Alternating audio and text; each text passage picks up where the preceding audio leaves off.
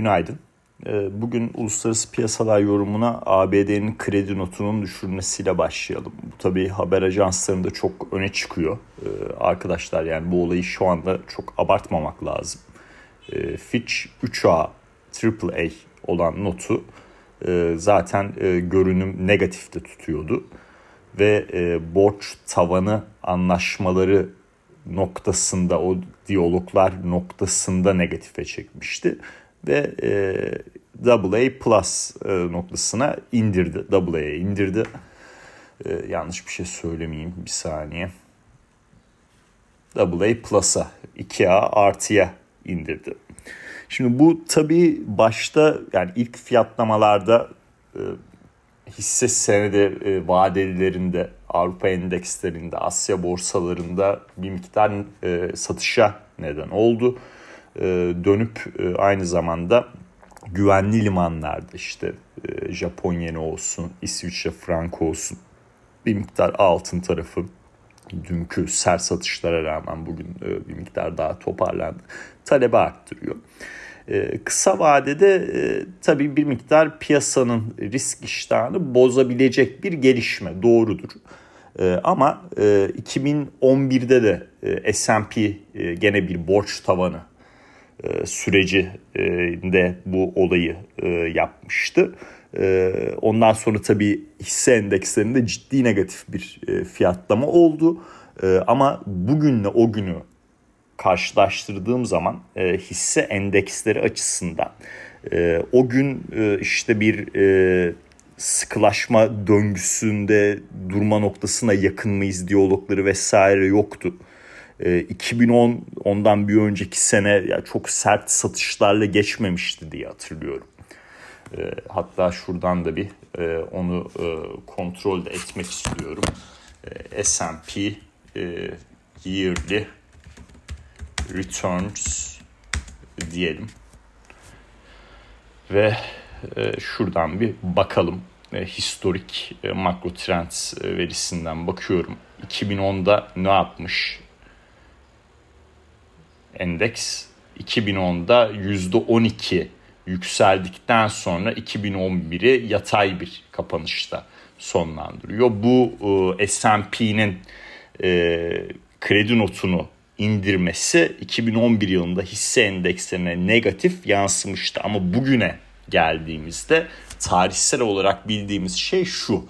E, ne zamanki FED durma noktasına geçse e, hisse senedi endeksleri 3 aylık vadede 6 aylık vadede çok iyi performanslar gösteriyor. Yani e, 3 ayda %8 %10 arası 6 ayda işte %15 gibi e, rakamlar medyanda çıkıyor.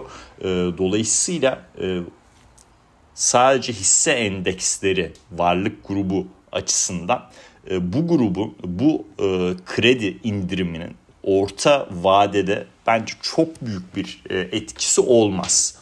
Benim açımdan şu önemli oldu. Dün ABD ekonomik verilerine baktığım zaman ISM imalat e, daralma bölgesinde devam ediyor. 9. aydır daralma bölgesinde. E, ama detaylarda iki şey dikkatimi çekiyor. Bir fiyatlar endeksinde bir düşüş var. Hatta üç şey dikkatimi çekiyor. E, iki e, istihdam alt endeksinde e, düşüş var.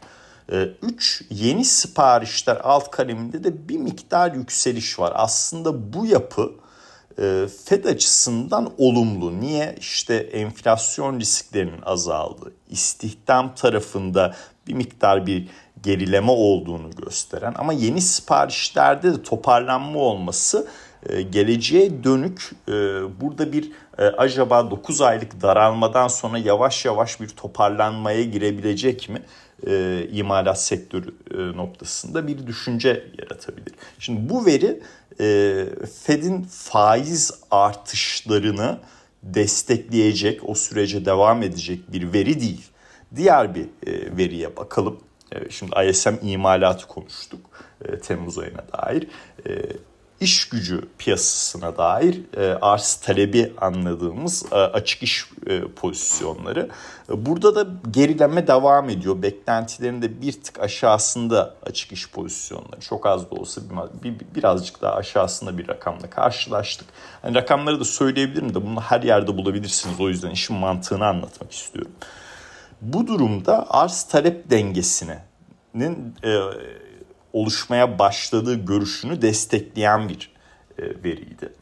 E, keza işte lojistik sektörüne baktığımda e, oradaki lojistik sektörü endeksi 3 aydır daralmada gözüküyor. Bu veri de Fed'in faiz artışlarına devam etmesi noktasında çok ciddi bir e, risk faktörü değil. E, bunu niye söylüyorum? Eylül'ü pas geçtikten sonra terminal rate yani tavan politika faizi mevcut noktada mı kalacak sorusunu cevaplamaya çalışıyorum. Tabii eğer Eylül'de pas geçerse enflasyon verileri bir risk faktörü ben pas geçeceğine inanıyorum.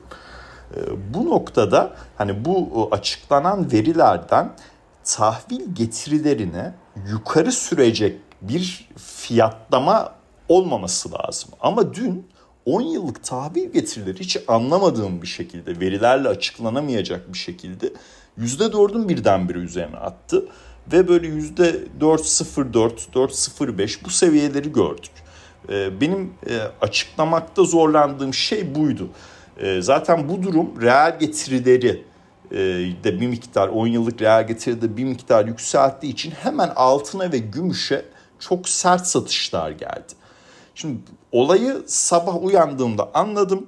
E, Fitch işte e, e, ABD'nin kredi notunu düşürdü. Demek ki bu haberi tahvil piyasası biraz önceden e, muhtemelen e, e, ya tahmin ettiler diyelim e, ya da bir bilgi e, geldi diyelim. E, yani çok yumuşak bir şekilde e, yorumlayalım.